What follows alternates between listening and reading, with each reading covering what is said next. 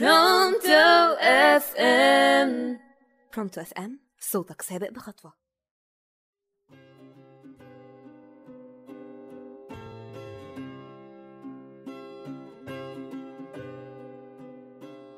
مساء الخير مستمعينا على برونتو FM في برنامج مشاعر. ومعاكم شيماء جمال وهنتكلم النهاردة عن إحساس ممكن نوصل له من كثرة الضغوط الحياتية وتكرار الأزمات اللي بتحيط بينا وهو إحساس التبلد وكأنك كده نحست ومبقاش يأثر فيك حاجة حواليك وبقيت كده بتتعامل مع الأمور بتبلد في المشاعر. فإحنا في رحلتنا في الحياة بنتعرض لمواقف كتير سلبية وضغوط حياتية يومية متلاحقة. ما بتديناش فرصة ناخد بريك ونطلع من كل الأحداث والضغوط دي. عاوزين نعرف مع بعض الجانب الإيجابي والسلبي من الوصول لمرحلة البلادة. ففي ناس ممكن توصل لمرحلة البلادة وكأنها نحست ومش مؤثر فيها حاجة. وما بقتش تتفاعل مع أي حاجة لكنها عرفت تواجه الشعور ده بإنها تكون أقوى وتعاملت مع الأزمات اللي مرت بيها بقوة وتخطتها ومشت حياتها وأمورها وحياتها وما وقفتش حياتها على الأزمة دي. زي مثلا لو بنت تعرضت للتحرش وعرفت تواجه الموقف ووقفت كل شخص مؤذي عند حده وعرفت تحط قواعد ورولز معينة وحدود في تعاملها مع الناس المؤذية. وبقت أقوى وتعلمت من الابتلاء اللي اتحطت فيه ومأثرش فيها كلام الناس أو الحزن اتغلب عليها وخلاها هشة سهلة الانكسار. فوكلت أمورها لربنا وحصنت نفسها كويس بالتقرب إلى الله وقراءتها للقرآن وأورادها اليومية اللي بتحميها من أي حد مؤذي وحافظت على مظهرها اللي ما يخليش حد يطمع فيها. وادت درس للشخص المؤذي ده ولنفسها وخرجت من المحنة دي بقوة وإيجابية.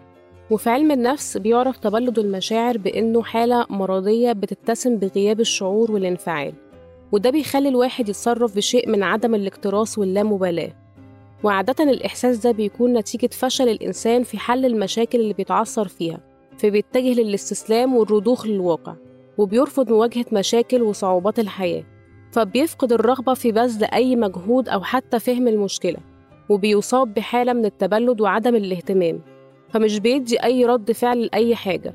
زي مثلا عبارة توفى فلان أو اتقتل فلان بتمر على مسامع الكتير مننا مرور الكرام وبقى التفاعل معاها بعبارة الله يرحمه بعد لما كان سماع الأخبار دي كان بيمثل صعقة لينا حتى ولو كان المتوفي شاب صغير في العمر.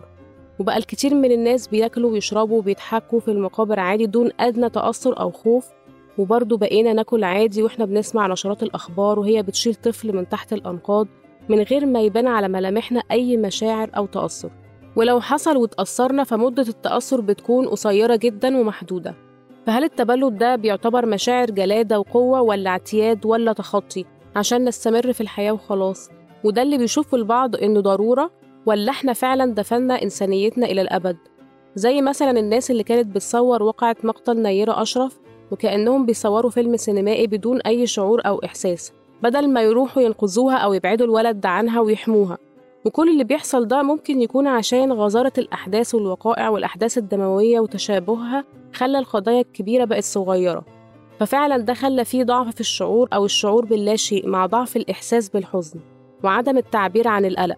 فبقى موضوع مقلق فعلا وإن اللي بيحصل من فتور في العالم لا يبشر بخير. فحتى الموت بقى خبر عادي معللين بإنه جاي جاي وإحنا هنكون في أحد خاناته يوما ما. وما هو إلا خبر مؤجل زي حال مشاعرنا المؤجلة.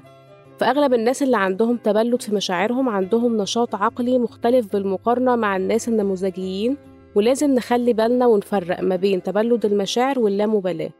اللي بتشير بصراحة لعدم وجود عاطفة في حين تبلد المشاعر هو عدم وجود التعبير العاطفي بغض النظر عن إذا كانت العاطفة متبلدة ولا لأ. وبكده خلصت حلقتنا النهاردة. اتبسطت معاكم مستمعينا على برونتو إف إم.